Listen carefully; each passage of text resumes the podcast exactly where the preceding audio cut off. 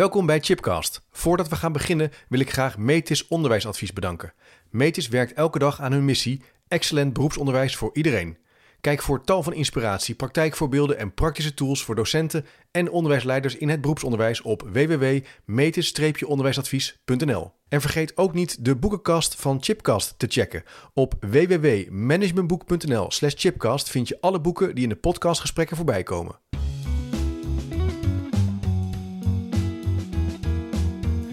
Welkom bij een nieuwe aflevering van Chipcast. Leuk dat je luistert naar een nieuwe aflevering. Chipcast is een wekelijkse podcast over onderwijs. Alles over didactiek, pedagogiek, leren, samenwerken, innoveren, onderzoek, onderwijskundig leiderschap en soms ook filosofie. Maar dit is een hele speciale editie. Ik maak namelijk een heuse verkiezingspodcast. Ranking de onderwijsparagraaf. En dat doe ik samen met Amber Walraven, collega van de Radboud Universiteit in Nijmegen en trekker van de Teacher Tab Nederland. Leuk dat je er bent. Ja, leuk om hier te zijn. Ik heb er naar uitgekeken en naast jou Peter Lonen. Uh, veel van de luisteraars zullen uh, jou denk ik wel kennen. Peter is directeur van Metis Onderwijsadvies en ik heb met jou al heel veel podcasts samen gemaakt. Onderwijsnieuws. Onderwijsnieuws, zeker. Nu al bijna een jaar, nou, ruim een jaar. Dat weet ik niet meer precies, ja, maar, maar, het is wel bijzonder dat we deze maand dan ook de verkiezingspodcast doen in plaats van de nieuwspodcast. Zeker, zeker. Want uh, ja, het was best wel een klus hè, om het allemaal bij te houden. Maar we gaan dus een, echt een, een onderwijspodcast opnemen. Het is vandaag 13 november. Op 22 november mogen we allemaal naar de stembus voor de Tweede Kamerverkiezingen. Ja, de politieke programma's vliegen ons om de oren. Elke ochtend uh, start het nieuws op met allerlei nieuwsberichten. Zo wilde Volt speciale lessen over ADHD. Uh, de Algemene Onderwijsbond die vond toch maar dat onderwijs sowieso in de verdrukking komt. Het blijkt dat VVD wil bezuinigen of toch weer niet. Moeten we nou alleen maar bevoegde leerkrachten in de klas hebben? Nou ja, ga zo maar door. Er is een hele, veel te bespreken. Soms zijn de plannen heel concreet, soms ook vaag. En het roept toch de vraag op, waar moet je nou op stemmen, hè, Amber? En toen Ja. dachten wij, we gaan samen iets doen. Ja, precies. Ik geloof dat ik jouw berichtje voorbij zag komen van, nou, oké, een, verkiezingspodcast is leuk. Ja. En tegelijkertijd eh, heeft eh, de grote broer van TeacherTap Nederland, TeacherTap Engeland, eh, had iets gedaan met het met een partijprogramma in, uh, in Engeland. Daar hebben ze er wat, wat minder dan uh, in Nederland. Ja. Om uit het partijprogramma stellingen te halen en aan leraren voor te leggen. Stel nou dat de nieuwe regering maar één van deze dingen mag doen. Wat kies je dan? En toen dacht ik, dat zou mooi zijn als we dat met de verkiezingsprogramma's ook in Nederland zouden kunnen doen. Maar ik wilde dat niet in mijn eentje doen. Dus het is heel fijn dat ik het met jullie uh, samen heb kunnen doen. Ja, super. We houden natuurlijk het nieuws ook een beetje bij, hè, Peter. Dus uh, we hebben wel een redelijk overzicht. Uh, leeft het een beetje in de scholen? Ik zag dat jij nog uh, vanochtend iets meemaakte. Ja, ik was vanochtend in het ROC van Amsterdam. Ja. Tegenover de RAI. En daar hadden ze een prachtig initiatief. In de gang allerlei posters met stellingen wat de politieke partijen wilden. Wie is voor, wie is tegen, wie doet er geen uitspraak over. En studenten en medewerkers konden op de achterkant van die posters met groen of met rode stickertjes aangeven of ze het eens of oneens waren. Kijk. Mooi initiatief. Heel goed, heel goed. Leuk hoor. Ja, ik vind het ook super gaaf dat Teacher Tab wil meedoen. Want dat is echt wel een heel gaaf uh, uh, project. Hè? Dat, uh, je, je kan dus stellingen, vragen voorleggen aan tappers. Ja. Want zo word je afgekort toch als je de app hebt? Ja, dan ben je een tapper. Ja, ja precies. Uh, nou ja, ik noem het altijd de leukste manier om informeel te professionaliseren. Ja. Je krijgt elke dag drie vragen die met het onderwijs te maken hebben. Ja. En um, je geeft daar antwoord op. En het leuke is, je ziet meteen de resultaten van de dag daarvoor. Dus als we een vraag hebben gesteld, bijvoorbeeld, heb je vandaag pauze gehad?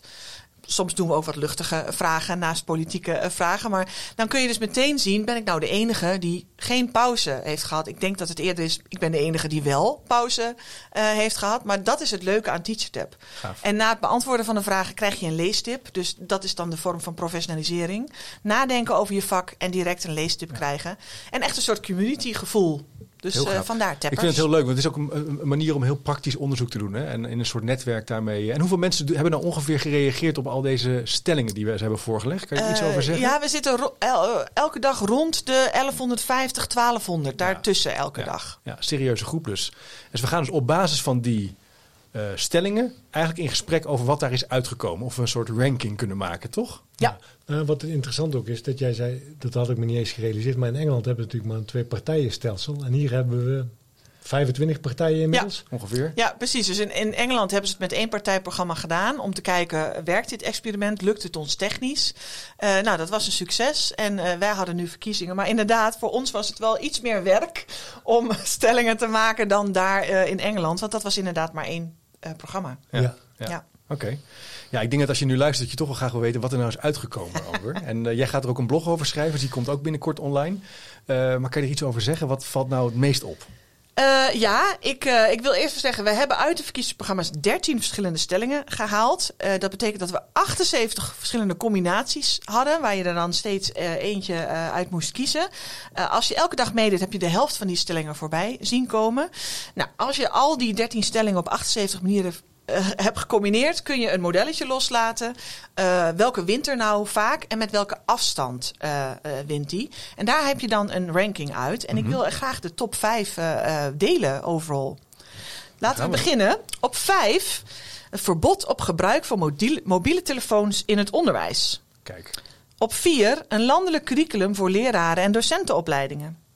Op 3 inspectie intensiveren op onnodige toetsdruk en administratie. Nummer 2 enkel bevoegde leraren voor de klas. En de winnaar wettelijke regulering van maximaal aantal leerlingen, studenten, cursisten per klas. Kijk. Dat is wat onze deelnemers eh, willen van het onderwijsbeleid. En dit gaat dus om alle teppers die in het VO, het PO... eh, Eh, speciaal onderwijs, speciaal MBO, onderwijs, en HO. Die Ja. zeggen van, dit is eigenlijk de top 5 waar Ja. wij ons op willen inzetten, Peter. Ja. Had je het gedacht? Nou, een aantal zaken eh, is denk ik voorspelbaar. Ja. De, de klassenverkleining, eh, telefoongebruik kan ik me iets bij voorstellen. Ehm, ehm, maar, maar die regeldruk op toetsing, dat vind ik wel een opvallende, Ja.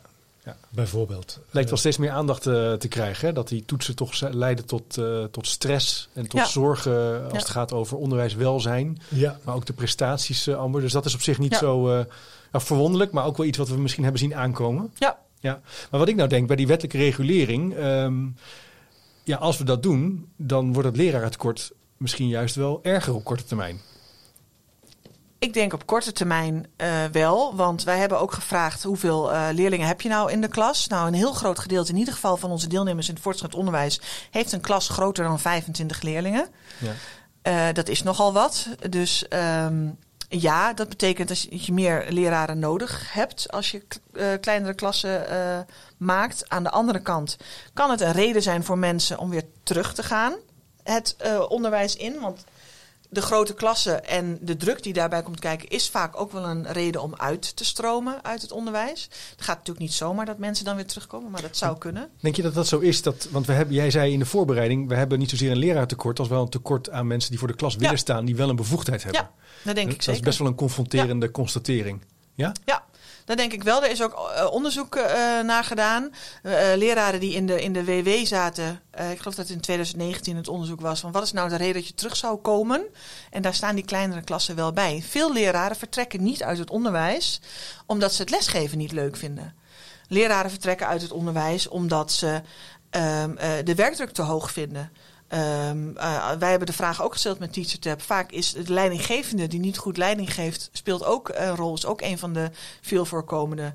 Dus, dus die twee zaken, die zouden wel weer ehm, mensen terug kunnen brengen in het onderwijs. ja. Hm. En, en heeft dat wat jou betreft dan ook een ver- verbindenis met, met dat landelijke curriculum van die docentenopleidingen? Heeft dat ook, hè, om, om ook je, je beroep toch serieus te nemen en, en ook serieus genomen te willen worden daarin Ja. een rol? Ja, dat denk ik wel. Ehm, je hoort natuurlijk ook wel graag dat, dat veel dat docenten zeggen: Nou, hè, ik ben een professional en zo wil ik ook behandeld worden. En dat ze het idee hebben dat ze ook door die grotere klassen eh, alleen maar aan het uitvoeren eh, zijn, weinig autonomie eh, ervaren.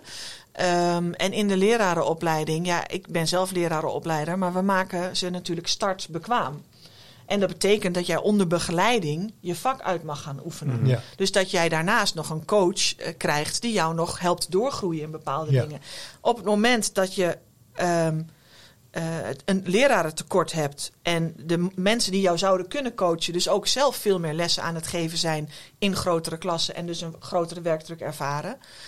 ehm, ja, dan, dan word jij niet geholpen en stroom je eh, eerder uit. Ja. En ehm, dan zie je ook in het landelijk curriculum voor lerarenopleidingen dat voor dat soort dingen. En, en ja, ik wil niet dat er iets bij komt in het, in het lerarenopleiding, want wij doen ook genoeg eh, en misschien wel te veel. Maar omgaan met die werkdruk en eisen stellen aan je werkomgeving, dat is iets waar we misschien aan de lerarenopleiding nog wel iets meer aandacht aan mogen besteden. Ja. We zijn natuurlijk heel erg gericht op dat startbekwaam maken. Ja. Maar een deel van startbekwaam zijn is ook je professionele autonomie kunnen pakken. Ja, Ja, dus ook gewoon eh, sturing geven aan eh, wat wel en niet eh, op je agenda zou moeten komen. Want dat is allemaal best wel veel.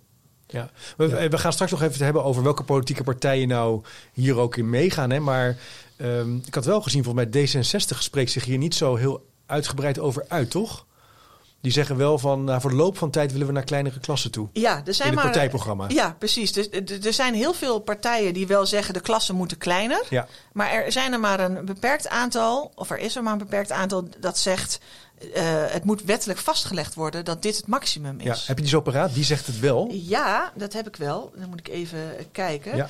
Eh, Partij voor de Dieren. Die wil kleinere klassen van maximaal 21 leerlingen. Hm. De SP, SP wil kleinere klassen van maximaal 23 leerlingen. De Forum voor Democratie, kleinere klassen, maximaal 23 leerlingen. En Denk pleit voor kleinere klassen en wil een maximale klassengrootte invoeren. Ja. Dus die zeggen niet hoeveel, maar dat zijn, ja. zoals ik het kon vinden, de partijen die er echt een wettelijk ehm, eh, maximum, maximum aan hebben gekoppeld. Ja, waarbij we bij Forum voor Democratie een klein beetje voorzichtig moeten zijn. Want die schrijven ook, de docent vertelt en de student, leerling luistert. Hè? Dus Ja. de- die doen meteen ook een interventie in de groepsdynamica. Precies. Dus je moet Ja. wel zitten en je kop houden. Daar Ja. komt het eigenlijk op neer. Ja, ik vind op zich al een prestatie dat je dat kan opschrijven in een partijprogramma. Dat dat het dan ook is. Ja. Nou, dan kunnen we eigenlijk de rest van het programma niet meer over onderwijs niet heel erg serieus nemen. Ja, daar zit natuurlijk daar zit iets achter van waar ook wel eh, partij eh, PVV ook wel uitspraken over doet. Het idee van kennisoverdracht, Ja. structuur, orde. Ik denk dat, hè, is, als ik het iets meer zou uitpakken. Ja. Maar ik vind het zo jammer dat ook voor ouderwets onderwijs. ja, hè? ouderwets onderwijs. Ja. Terwijl eh, ja, EDI is niet helemaal niet ouderwets. Nee. Eh, want daar, daar zou je het dan mee kunnen associëren. Dat is denk ik helemaal niet het geval. Oké, maar dat, is dat, dat punt twee, enkel bevoegde leraren voor de klas. Dat is ook nog wel interessant. Hè? Welke, welke partij eh, spreekt zich hierover uit? Hebben we dat, hebben we dat zo paraat? Ehm, nou, misschien is het bij deze ook leuk om te kijken wie zich er niet voor uitspreekt. Oké, ja. Dat is namelijk het CDA. Ah, Het CDA die zegt heel expliciet, en ik moet zeggen, wij hebben dat dan opgevat als je vindt het niet erg dat er geen onbevoegde leraren voor de klas staan, maar die wil dat teams maatwerk kunnen leveren in hun samenstelling. De tekorten binnen de teams gericht oplossen door docenten, docenten in opleiding, en dan komt die, en niet-educatieve specialisten samen te brengen. ja. Als ik het gesprek in onderwijsland een beetje volg, dan denk ik dat zijn die niet-educatieve professionals die we dan voor de klas zetten, zodat misschien de leraar iets anders kan doen. Ja. Hè? De, de kunstenaar die met Ja. de kleuters gaat. Ja. Ja. schil- Ja. Dat is wat De ik eruit opmaak. Ja. Ja. dus dat gaat ook een beetje over teambevoegdheid. Dat doet het Precies. ook wel aan denken. Sommige Ja. onderwijsvernieuwers zeggen, nou, het is zo radicaal, we moeten nu ingrijpend anders gaan kijken. Ja. En het CDA gaat daar dus in die zin een beetje in mee. Die zegt, nou, Ja. dat zou dan wel Ja, kunnen werken. Maar, wat mij in die programma's opvalt, is dat, dat ze natuurlijk heel veel beroep doen op de professionaliteit van de leerkracht. Dan ook zeggen van we moeten bevoegde leraren hebben. Waarom zo die nadruk op bevoegdheid en niet op bekwaamheid? Ik zou veel meer op bekwaamheid willen sturen. Mhm. Maar dan ook maatregelen als verplichte bij- en nascholing. ja. Geprotocoleerd of via richtlijnen werken op basis van evidence. Hè. Dat, Ja. dat zijn wel een paar programma's die daar wel uitspraken in De doen. meesten zijn daar toch vrij... eh wie spreekt zich hier, heel, heel oppervlakkig over, over Ja. de, de bekwaamheid ook van die docenten. ja. ja, wie spreekt zich hier wat meer over uit? Ja, ik, ik, als we het even moeten opzoeken, dan wachten we heel even voor. Maar weten we dat uit ons hoofd? Welke partijen over die bekwaamheidsontwikkeling wat meer het op orde hebben? Ehm, Nou, zover ik weet en gelezen heb, zijn er heel weinig programma's die daar een expliciete uitspraak over doen. Het gaat Nee, heel erg over het bevoegd zijn en de professionaliteit teruggeven in het onderwijs. Ja. Ja, Dus bijna alle programma's spreken over de, de professionaliteit en autonomie teruggeven aan de leerkracht. ja.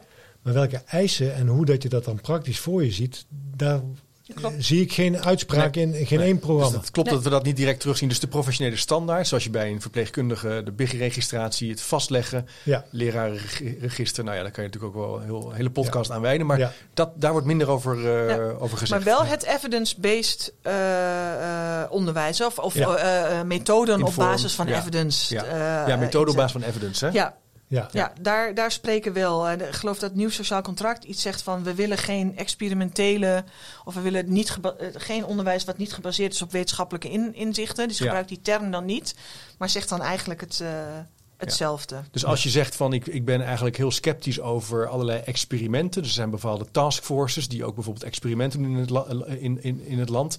Ik denk dat het eh, type Agora-onderwijs daar ook wel onder zou te van. Dan zou je eigenlijk op nieuw sociaal contract moeten stemmen. Oeh. Dat is wel Ik zeg het even eh, lekker scherp, maar Ja. Ehm, ja, maar het contract is niet de enige. Hè? Niet er zijn meer partijen die zeggen van we willen evidence-informed eh, eh, onderwijs. Volgens mij zegt D66 Ja, maar geen experimenten. Dus geen, het niet doen van experimenten. Want er worden in, in het land hele bewuste experimenten ook ingezet. Hè? Ja, Ik ben daar op zich eh, overigens ja, Ja, het is maar direct net, tegen. Ja, het is je kan, wat je experiment ziet. Hè? Ja. Kijk, ik, ik, als ik mijn studenten opleid, dan leid ik ze niet op om, om een methode te volgen. Dan zeg ik ook, weet je, dit zijn uitgangspunten voor, voor goed onderwijs. Die wil ik je meegeven. Dit is jouw methode. Maar daarna is het wel aan de professional en de vakman om in de klas dat voor elkaar Ja. te maken, eh, Ja. zeg maar. Ja. En ja, dan, soms is dat voor jou een experiment. Ja. Want jij hebt het nog niet eerder gedaan. Of soms werkt iets bij de vakdidactiek van geschiedenis heel goed. En denk je, zou dat voor aardrijkskunde ook kunnen gelden? Ja, dan zou ik er niet tegen zijn dat een aardrijkskundedocent dat gaat proberen. Ja. Alleen grootschalige experimenten op basis van uitgangspunten... waar je niks van terugziet waarvan we weten wat werkt... Ja. Ja. dat is wat Nee, extremer. Ja. En daar zijn Ja. een aantal partijen die daar dus wel een uitspraak over doen. Ja. Ja. maar de kwaliteitsborging bij die professional die is niet geborgd. En Nee. er is ook Nee. geen programma Nee. dat daar een uitspraak over doet dat we zeggen van we willen de kwaliteit borgen door Nee. allerlei maatregelen te En nemen. dat is toch wel een hete aardappel waar we dan een beetje omheen draaien. Want dan kan je altijd wel zeggen autonomie. Maar ja, hoe borg je het dan? Hoe leg je het dan ook vast? Ja. En hoe zorg je ook dat mensen ook dat doen wat... Ja, en, en ook dat bevoegd zijn. Ik, ik ken heel veel bevoegde leerkrachten, docenten die natuurlijk prachtig werk leveren. Maar ik ken ook heel veel bevoegde leraren die die professie niet hebben bijgehouden. Ja. Die niet aan kwaliteitscontrole deelnemen. Die niet, nou, noem maar op. Et cetera, et cetera. Ja. De- dus lost het probleem nu op door alleen bevoegde leraren eh, en leerkrachten voor, voor zo'n groep te zetten. Nou, daar hoort nog iets bij, denk ik. Ja. Kijk, je hebt natuurlijk wel meer kans dat een docent startpunt. bekwaam is als die bevoegd is. Als, Ja. als je startpunt al is, nou, je hoeft niet echt bevoegd te zijn, Nee, maar kom je moet het een beetje binnen, leuk ja. doen. Ja. Ja. Dan, je krijgt die lat namelijk nooit meer omhoog. Dus als Ja. je die lat gaat verlagen, Ja. daar ben, ook in tijden van lerarentekort, Ja. ben ik er niet voor om te zeggen, nou, iedereen die wil, eh, kom maar. Tenzij je een goed zij-instroomtraject hebt, goede Ja. begeleiding en dat Ja, mensen dat, ook dat maakt het verschil. dat Ja. maakt het verschil. Ja. Ja. Wat jij zegt trouwens, Peter, is wel leuk. Want wij hebben in een open vraag gevraagd, ook aan onze deelnemers, nadat ze al die 78 stellingen hadden gehad. Stel nou dat je zelf een beleidsmaatregel eh, mag ehm, eh, opstellen. Hè? Wat, eh, wat vind jij dan belangrijk? Nou, dan zien we terug wat we zelf ook al een beetje hadden. Maar er zit ook een nieuwe in. En ik moet hem er even bijpakken. Ja, Mhm. ik vind het van belang dat collega's verplicht, ja echt, kennis nemen van recente ontwikkelingen. En dat directies gehouden zijn ervoor te zorgen dat iedereen die kennis tot zich neemt en daarnaar handelt. Dus geen slappe verhaaltjes accepteren van collega's die altijd overal mee wegkomen. Dat Ja. sluit aan bij wat mooi jij zei. ja. Eh, je doorontwikkelen, het stopt natuurlijk niet bij die bevoegdheid. Nee. Nee. Nee. Ja, het is wel spannend. Kijk, het thema van experimenten, dat, dat, is, dat ligt misschien een beetje gevoelig. Maar er zijn natuurlijk wel landelijk, worden er hè, vernieuwingsscholen, eh, initiatieven gestart... die echt wegbewegen van het klassieke curriculum... en echt bepaalde patronen doorbreken. Ja. En daarvan zeggen we nu dus eigenlijk op basis van deze uitkomsten... dat, we daar, dat daar politiek gezien... ehm, nou, dat we daar niet zo heel blij van worden. Nee. Ja, het heeft misschien wel te maken met wat we de afgelopen jaren hebben gezien. Hè? Die inzet op die basisvaardigheden. Ja. eh, taal en rekenen. En eh, laten we dat nou eh, goed eh, regelen. En ons daarna pas weer zorgen maken over Ja. Ja. eh, eh, De- de hè, of het anders kan. komen. En Ja. challenges en weet Ja. ik veel Ja. wat.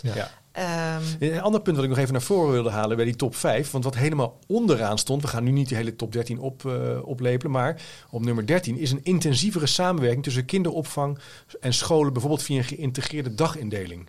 En dat, dat zou kunnen, als je nu luistert, denk je dan misschien aan integrale kindcentra's, brede school van 0 tot 18. Hè, dus dat, is een, daar wordt eigenlijk heel, dat scoort dus heel laag bij Ja. eh, mensen die eh, invullen wat ze belangrijk vinden. Ja. ja, Vind dat, niet, dat vind ik wel opmerkelijk, want er wordt heel veel over gepraat. Zeker omdat dat ook bij de partijen, juist in de programma's, heel prominent aanwezig is. Die zeggen dat ze een onderwijspartij zijn. Hè? Lees D66, GroenLinks. Ja. Daar wordt heel veel aandacht aan gegeven. Er gaan ook, ook eh, in de financiering van die onderwijsparagrafen volgens mij veel geld naartoe. Ja. Ja. En dan zitten de mensen uit de praktijk niet op te wachten. Zitten er niet op te wachten. Of vinden het in ieder geval niet zo heel belangrijk. Nee. Ja. Nou, ik denk dat het ook. Ik- in de opvang heb je natuurlijk ook een tekort. Dus je hebt lerarentekort Ja, en in het- kinderopvang. in het- en je hebt, en het Ja. is natuurlijk een mooi ideaal om te zeggen: Nou, als we ze samen stoppen, dan kunnen we toch een beetje Ja. personeel uitwisselen. Maar als we leraarschap als vakmanschap zien, ja, het is geen kinderopvang Nee. En iemand die een kinderopvang doet, is geen Nee. leraar. Dus het, is, het, het is een mooi beeld en het zou kunnen helpen. Maar de mensen in de praktijk zitten daar gewoon eh, niet op te wachten. En ik denk eigenlijk ook wel terecht als je kijkt naar eh, waarom ze leraar zijn. Ze zijn leraar om kennis over te dragen, een vak bij te brengen, leerlingen te helpen in hun eh, ontwikkeling. Ja. Ja. En, en niet om ze na schooltijd, hoe belangrijk kinderopvang ook is. Eh, Zeker, en nee, het is absoluut. niet minder of zo, maar het is anders. Het, Ja. het is geen leraarschap. Het is een ander vak. Ja, Ja. precies. Ja. Ja. En hebben jullie nu het idee, dat als we die programma's allemaal gelezen hebben, dat de kernproblemen van het onderwijs in welke coalitie dan ook ehm, goed aangepakt gaan worden? Zien we nu de komende vier jaar echt een, een, een begin van een oplossing van de grote onderwijsproblemen die, die er zijn? Lerarentekort, uitval. Ja.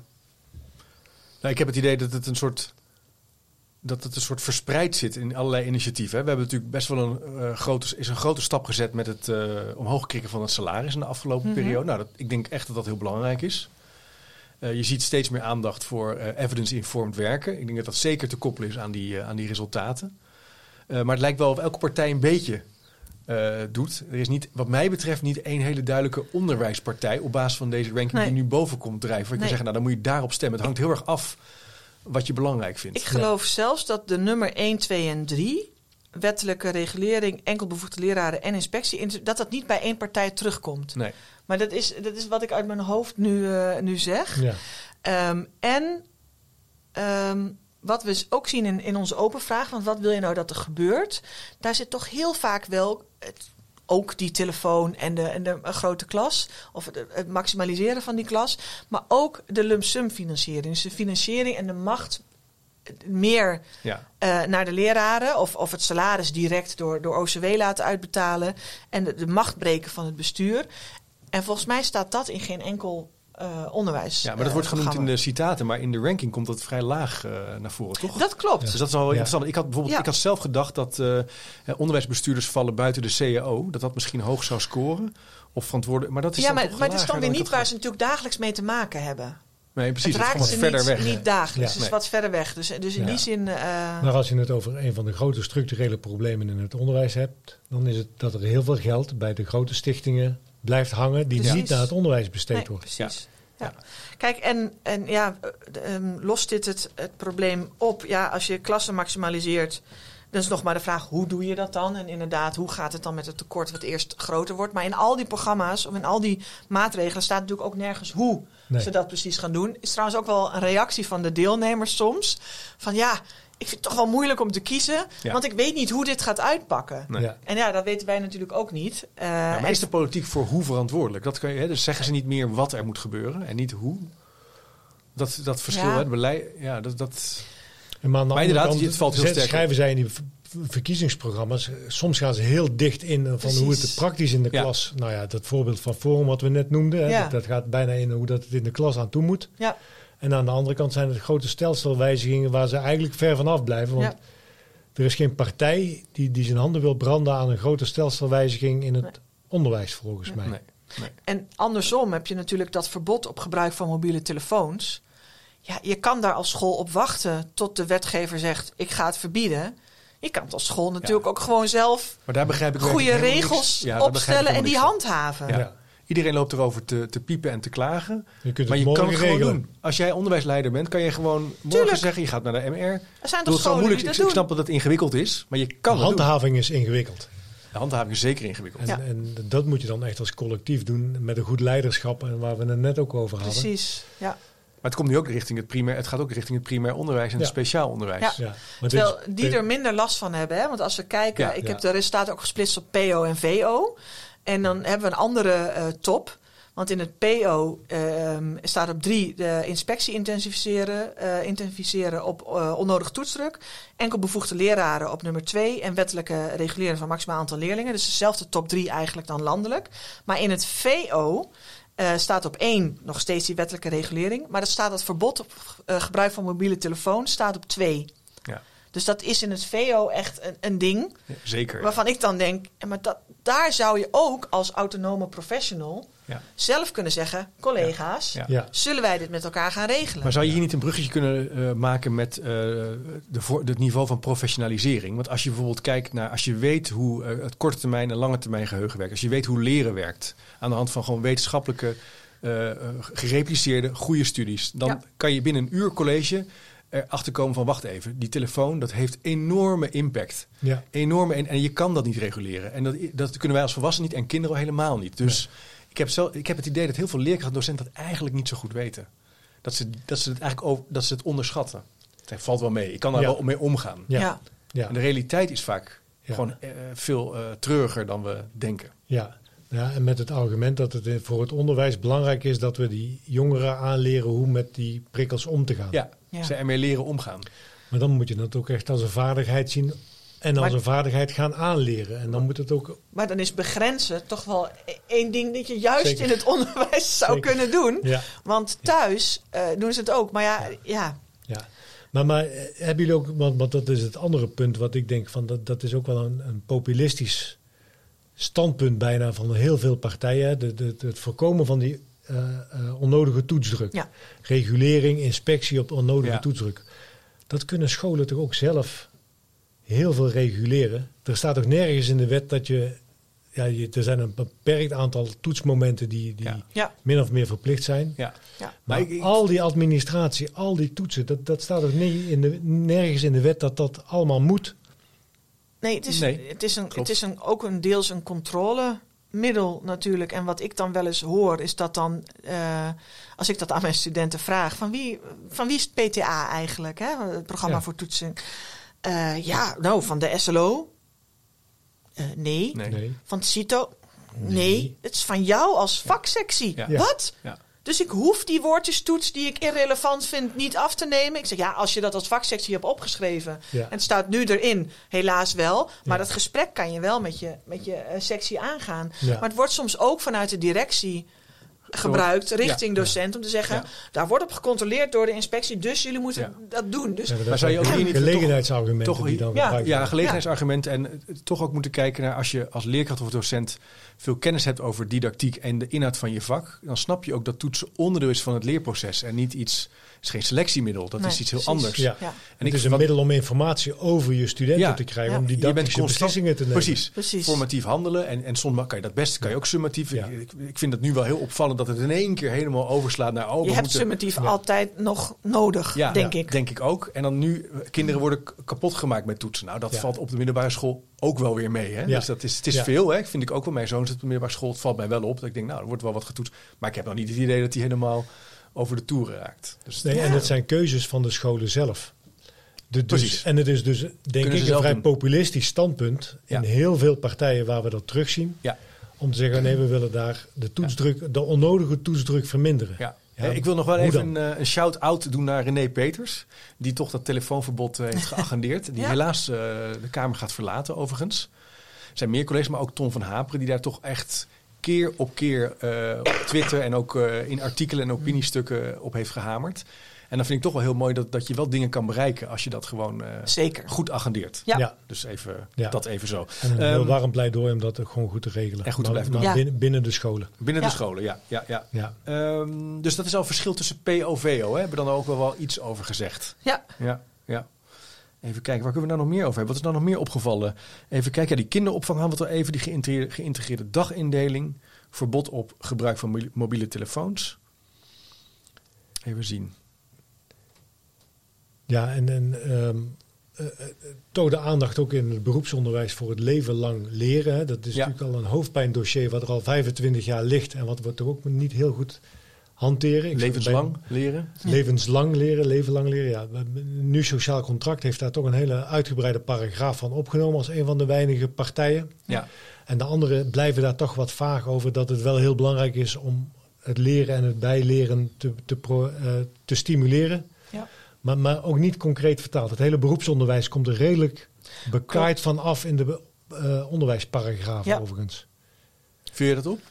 Ja, Ja? zowel het hoger onderwijs als het beroepsonderwijs. En vo- vooral het mbo-onderwijs komt er heel, be- heel bekaaid vanaf. Terwijl er toch wel veel dingen zijn gebeurd in de afgelopen paar jaar. Om dat mbo er, eh, er, er beter bij te trekken, zou je Ja, kunnen zeggen. ja, Robert Dijkgraaf heeft Robert er echt een Dijkgraaf, punt van gemaakt. Heeft er D66. heel- ja, Ja. maar ook in de paragraaf van D66 lees ik er heel weinig van terug. Misschien Ja. heb ik niet goed gelezen. Ja. Dat geldt overigens voor alle verkiezingsprogramma's. Hè. Dat, het is toch een beetje zoeken naar, naar onderwijs. Ja.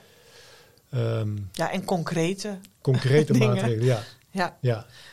Nou, de- misschien dat, dat eh, de, de, de boer-burgerbeweging nog het meest concreet is. Want die vinden dat er in ieder geval aandacht moet zijn voor het landbouwonderwijs. Nou, dat, dat is wel redelijk beroepsgericht, zou ik zeggen. Ja, Ja. ja. Ja, Is, de, is de BBB een partij voor, eh, voor onderwijs?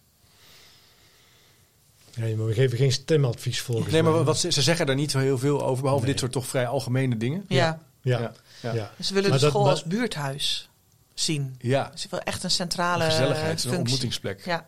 ja. Wat mij nog wel opviel over, over de dingen wat, wat onze deelnemers eh, wel noemen, is passend onderwijs. En vooral stoppen met passend onderwijs. Want als reguliere docent ben ik daar niet voor opgeleid.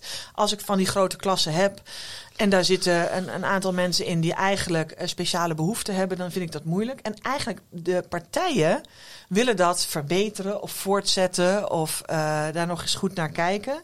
Dat vind ik wel een opvallend eh, Ja. verschil. Ja. En dat- wil de, de, de, de SP wil er helemaal vanaf van passend onderwijs, dacht ik. Eh, de SP vindt dat het op de schop eh, moet. Ja. Ja. Ja. Ah, ja. En die Ja, zeggen ook nieuwe scholen eh, voor speciaal onderwijs. Dus die zegt ja, eigenlijk moeten we weer terug naar dat speciaal onderwijs. Ja. En speciaal onderwijs in het reguliere onderwijs moet gemakkelijker. Nou, ik weet niet precies hoe je Ja, waar gaat dat het? gemakkelijker moet. Maar die zegt wel echt, het moet op de schop. En de andere partijen die zeggen nou, we willen het verbeteren en we willen toewerken naar leerrecht. Dat zien we ook eh, terug in de partijprogramma's. Geen leerplicht meer, maar leerrecht. Ja, ja, ja, ja. En wat is dan het verschil tussen een leerplicht? Nou, zo- zoals ik het bij de, van de initiatiefnemer eh, van het wetvoorstel Paul van Menen destijds heb begrepen, ehm, is dat op dit moment kunnen scholen zeggen: ja, wij kunnen dit niet eh, leveren. Ehm, dus dan kom je of thuis te zitten, maar je moet, je, je moet wel naar school blijven. Nou, zoiets. Ja, ja. Bij een leerrecht eh, wordt er breder gekeken naar wat een school samen met bijvoorbeeld iets waar een kind baat bij heeft. Stel, er wordt gezegd een kind kan op school blijven, maar moet wel twee middagen kunnen paardrijden op de manege om minder prikkels te hebben. Nu mag een school dat niet aanbieden, want is geen onderwijstijd. Als je gaat naar leerrecht, dan wordt er wat breder gekeken naar Hmm. wat kunnen we allemaal nog eh, aanleveren. Ja, ja.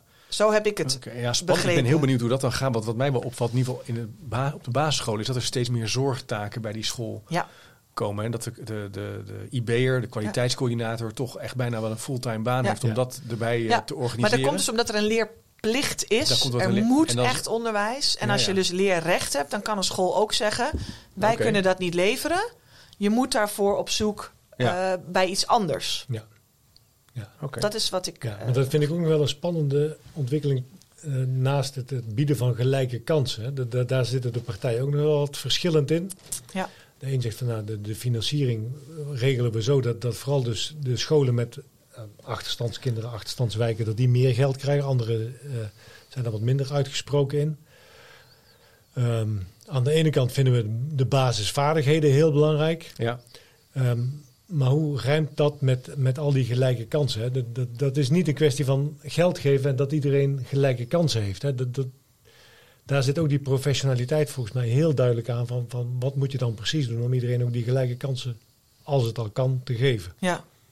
Ja, in de, in, de, in de programma's zie je natuurlijk wel dat bijvoorbeeld als het gaat over salarissen van leraren, dat scholen op achterstands of leraren op achterstandsscholen dan beter betaald zouden moeten eh, Ja, worden. dat zijn vooral bij de partijen die wat meer aan de linkerkant Ja. van het spectrum zitten. Ja, want, want dat is dan En dat is natuurlijk wel zo, daar kunnen we niet omheen. Het lerarentekort raakt natuurlijk vooral de leerlingen die het het hardst uh, nodig hebben. Ja. Dus in die zin is dat idee van moet ik die mensen meer betalen uh, niet eens zo gek, waar het niet dat leraren daar niet echt heel erg gevoelig voor zijn. Voor dat soort. Uh, tenzij daar ook de klassen kleiner worden ja. en je gewaardeerd wordt. Het zijn wel lastige dingen, want voor mij heeft D66 ook iets gezegd van we willen zoveel mogelijk uh, onderwijsprofessionals meer laten werken, bijvoorbeeld. Ja. Ja, dat zijn toch ook dingen die heel moeilijk uh, in de uitvoering blijken, toch? Keer op keer. En dat, bij dit soort dingen heeft dat ook een beetje hetzelfde gevoel krijgt Ja, erbij. maar ze noemen hoe het wel als een tijdelijke maatregel. Ja, maar wat ga je dan, wat ga je dan doen? Het is wel zo dat heel veel mensen part-time werken, Ja, maar dat Ja. doen ze heel erg bewust. Ja, je hebt Ja. er vast wel een keer uh, in Dat hebben wij ook gevraagd. iets Ja, over we hebben uitgevraagd. destijds toen de voltijdsbonus eh, was aangekondigd van zou je, dat, zou je dat overwegen? En veel leraren overwegen dat niet, omdat de reden dat zij niet fulltime werken zijn die grote klassen en de werkdruk die daarbij komt kijken. Veel leraren werken part-time of krijgen part-time betaald om fulltime te werken om hun werk goed te kunnen doen. Ja. Ja. Dus je lost dat niet Ja. zomaar op. Dus die financiering, daar is wel echt daar is, daar is wel wel iets aan te Ja. doen. Hè? En, en daar zijn de Ja. partijen toch. eh D66 wil dat moet dat geld zoveel mogelijk naar de scholen laten gaan. ChristenUnie laat de lump sum intact. Maar wil wel het woud aan subsidies eh, omzetten in een lump sum financiering. Ja, Wat dat dan precies betekent. En het CDA wil minder specifieke uitkeringen en meer algemene subsidies via lump sum Ja. bekostiging. Ja, nou, er wordt nu natuurlijk veel niet geoormerkt. Hè, er gaat inderdaad een lump Ja. sum naar Ja. een. En, en niet alles komt daarvan eh, in de klas. Maar we hebben wel allerlei. En iemand noemde dat laatst subsidieconfetti. Ehm het, basisteams kun je dan subsidie voor krijgen dat mensen jou gaan helpen met je taal- en rekenlessen. Moet je allemaal weer formulieren invullen om een subsidie te krijgen. Ligt allemaal bakken En vol met geld op is de het weer weg. Is het dan weer weg? Kun je dus niet structureel iemand op aannemen om dat beter te blijven doen. Je ontwikkelkracht eh, is nu ook eh, in gang. Dus een groeifonds, of, of vanuit het Ja. Nationaal Groeifonds, 333 miljoen. Ja, dat is mega veel. in tien jaar wordt er uitgegeven Ja. naar professionalisering. Ja, het is heel mooi, maar het vereist wel weer subsidies van... Hè, iemand moet dat weer invullen en het is niet structureel. Je zou ook kunnen zeggen, zorg dat de structurele bekostiging beter geoormerkt wordt zodat het in de klas komt wat je wil. Want daar zijn ook mooie grafiekjes van. Ja. We zijn in de afgelopen jaren meer geld aan onderwijs gaan uitgeven. Maar het is niet in de klassen Ja. terechtgekomen. Maar die partijen doen dus daar hierover, richting die besturen, niet zoveel spannende Nee, uitspraken. dat, daar en, kiezen ze niet in. Nee. en daar ligt wel een, Ja. ik denk wel een oorzaak van een, van, of een verklaring van, eh, van het niet in staat zijn om Ja. echt te werken aan verbetering. Ja. Ja, Maar, maar als ik dan al die programma's overzie, dan, dan bekruipt bij mij toch een heel teleurstellend gevoel dat er eigenlijk niemand echt kiest. En van wat doen we nu met, met eh, alle eh, leerlingen, studenten aan de onderkant van, van Ja. de onderwijspyramide? Hè, als we het echt over gelijke kansen hebben, over basisvaardigheden, Ja. waarom niet echt de keuze van we willen het minimale Je moet of het kiezen. onderkantniveau omhoog brengen? Ja. Ja. Wordt niet gedaan. Nee. Waarom niet, eh, als we het over praktisch opgeleide hebben, waarom moet dat allemaal nog in die schoolgebouwen? Waarom niet de hybride leerweg? Ehm, eh, als we financieren, dat we zeggen van hey, we gaan dat zo financieren dat die onderkant, degenen die het moeilijk hebben om in die onderwijspyramide omhoog te komen, dat we vooral daar het geld aan uitgeven. Ja. Dat we dus stoppen met de hoogopgeleide eh, sociaal-economische statusonderwijs, die het toch allemaal wel redden. Ja. En het is dus zo dat sommige partijen daar wel iets over zeggen, maar dan zeggen ze weer iets anders er niet over. Dus het is, het is, het is lastig Het blijft heel Ja. erg de, de, Ja, de want- veilige middenweg Ja. en vooral Ja. geen uitspraak. Want ik dacht nog even over het nieuw, sociaal contract als het gaat over financiering. Die zeggen toch niet het aantal leerlingen, maar het kunnen leveren van kwaliteit. Ja. Vinden we belangrijk. Dus die doen toch ook niet zo'n duidelijke uitspraak over die omvang, wat bij ons heel hoog stond. ja nee, Op het klopt. lijstje. Nou, zo blijven we maar puzzelen. Hè? Ja. Maar ja, dit, dit, oké, oké, ja. Dus hebben we nou, ja, geven mensen wat. Het leidt ook tot nieuwe vragen. Niet, niet altijd tot antwoorden, maar in ieder geval een duidelijke top 5 Ja. in het Ja, onderwijs. en, en dat is op zich natuurlijk wel mooi voor wie dan ook de nieuwe regering mag vormen en het coalitieakkoord moet gaan maken. Er zijn een aantal dingen waar je leraren eh, eh, blij mee kan maken. Die mogelijk wel verschil kunnen maken. De AOB heeft nu zelf een campagne, hè, kies, campagne van Kies voor Goed on- Onderwijs. Of Ja. Onderwijs zoekt partij. En die heeft eigenlijk dezelfde top drie die wij ook eh, hebben. Elk kind een bevoegde leraar. Kleinere klassen en minder werkdruk. Ja. Dus ja, het, het, het geeft de nieuwe regering wel wat richtlijnen om, eh, om iets te gaan doen, denk ik. Wie weet luisteren ze wel. Ja, Zou mooi zijn. Nou, we komen toch een beetje aan het eind van de podcast, waarin we eh, ranking de onderwijsparagraaf hebben proberen ja, aan te Ja. varen. Zullen, zullen we één rondje doen van wat, wat, wat, waar stemmen wij zelf op? Dan hebben de mensen ook een beetje een beeld van wat wij dan toch zelf gekozen hebben op basis van. Het is geen stemadvies, maar Ja, als je er iets over wil zeggen, want dat is natuurlijk altijd heel privé. Dat is het, dat is het natuurlijk wel een privé. eh, Maar eh, Amber, hoe zit jij in de wedstrijd? Wil je daar iets over zeggen? Of Nou, zeg ik je vanuit vind pas even? Ik vind het heel eh, moeilijk. Ik, eh, we hebben het ook wel aan onze deelnemers gevraagd. Ja. En ik geloof dat, even uit mijn hoofd, maar een flink percentage is nog steeds zwevend. Ja. Ehm, en ik geloof dat GroenLinks, eh PvdA, redelijk hoog scoorde bij de mensen die, eh, eh, die wel wisten waar Maar dat is wel interessant. Dat onze, dus degene die hebben meegedaan aan de TAP, Ja. voornamelijk GroenLinks, PvdA. Ja, even zo uit mijn hoofd. En er- is nog een partij die, die hoog kwam. Ja. Maar Peter, wil jij, het, wil jij er iets Ja, over zeggen? Of ben je al een, ben je een trouwe stemmer? Op een Nou, partij, of? Dat, dat was ik vroeger, maar al, al heel lang niet meer eigenlijk. Ehm, ik, ik denk dat ik nu voor de strategische stem eh, GroenLinks Partij van de Arbeid ga, omdat ik in ieder geval wil dat de VVD het niet voor het zeggen krijgt. Ja. ja. Maar omdat nou een beargumenteerde keuze op basis van het onderwijs is, durf ik ook niet heel hard te zeggen hoor. Nee. nee. Ik heb altijd wel op D66 gestemd. Ik ook. Oké, ja, ik, ik, ik vind het wel lastig nu. Hoe ik, ik vind persoonlijk Rob Jet het erg eh, goed doen en leuk doen. Ik vind dat hij een goed verhaal heeft. Dus ik, ik zit nog een beetje te twijfelen. Maar ik ben ook wel heel erg gecharmeerd van Omtzigt. Hm. En, eh, en zijn boeken vond ik wel eh, al voordat hij echt besloot om hier te beginnen. Dus ik Ja. zit echt nog wel een beetje te puzzelen. Ja. Dus ik zit er denk misschien moet ik toch strategisch stemmen. Maar wat is dat dan? Ja. Dus ik- maar ja, dus dat is een beetje mijn... ja, ja. Ja. Ja, ik ben altijd van eh, pro-Europa en niet religieus. Dus dan vallen er al heel veel partijen af. Ja, dat kan. Ja, dat helpt. Ja. Dat helpt. Ja. Hey, en hoe was het nou om zo te doen dit? Het is de eerste keer dat we zo'n soort mini-onderzoek hebben gedaan. Zo Zeker. samen. Ehm, hoe vond jij dat, Amber? Ja, ik vond het superleuk. Ja. Ik, eh, ik heb wel wat leerpunten voor de, voor Ja? de volgende keer. Ja? Ehm, op basis ook van feedback. Maar het moeilijke is natuurlijk, ja, welke maatregelen haal je uit de eh, partijprogramma's? Want zo concreet zijn die niet. Dus Nee. wij hebben met z'n drieën moeten steggelen van... Ja. oké, hoe wat staat er nou wel, wat staat er niet? Hebben we iedereen goed genoeg meegenomen? Eh, maar goed, het- het- soms werden mensen ook boos op een maatregel. Kreeg ik feedback, hoe kun je dit nou voorstellen? Want dat moeten we toch nooit doen? Toen dacht ik, ja, wij hebben dat niet geschreven. Ehm, en eh, 13 is net te veel. Ja.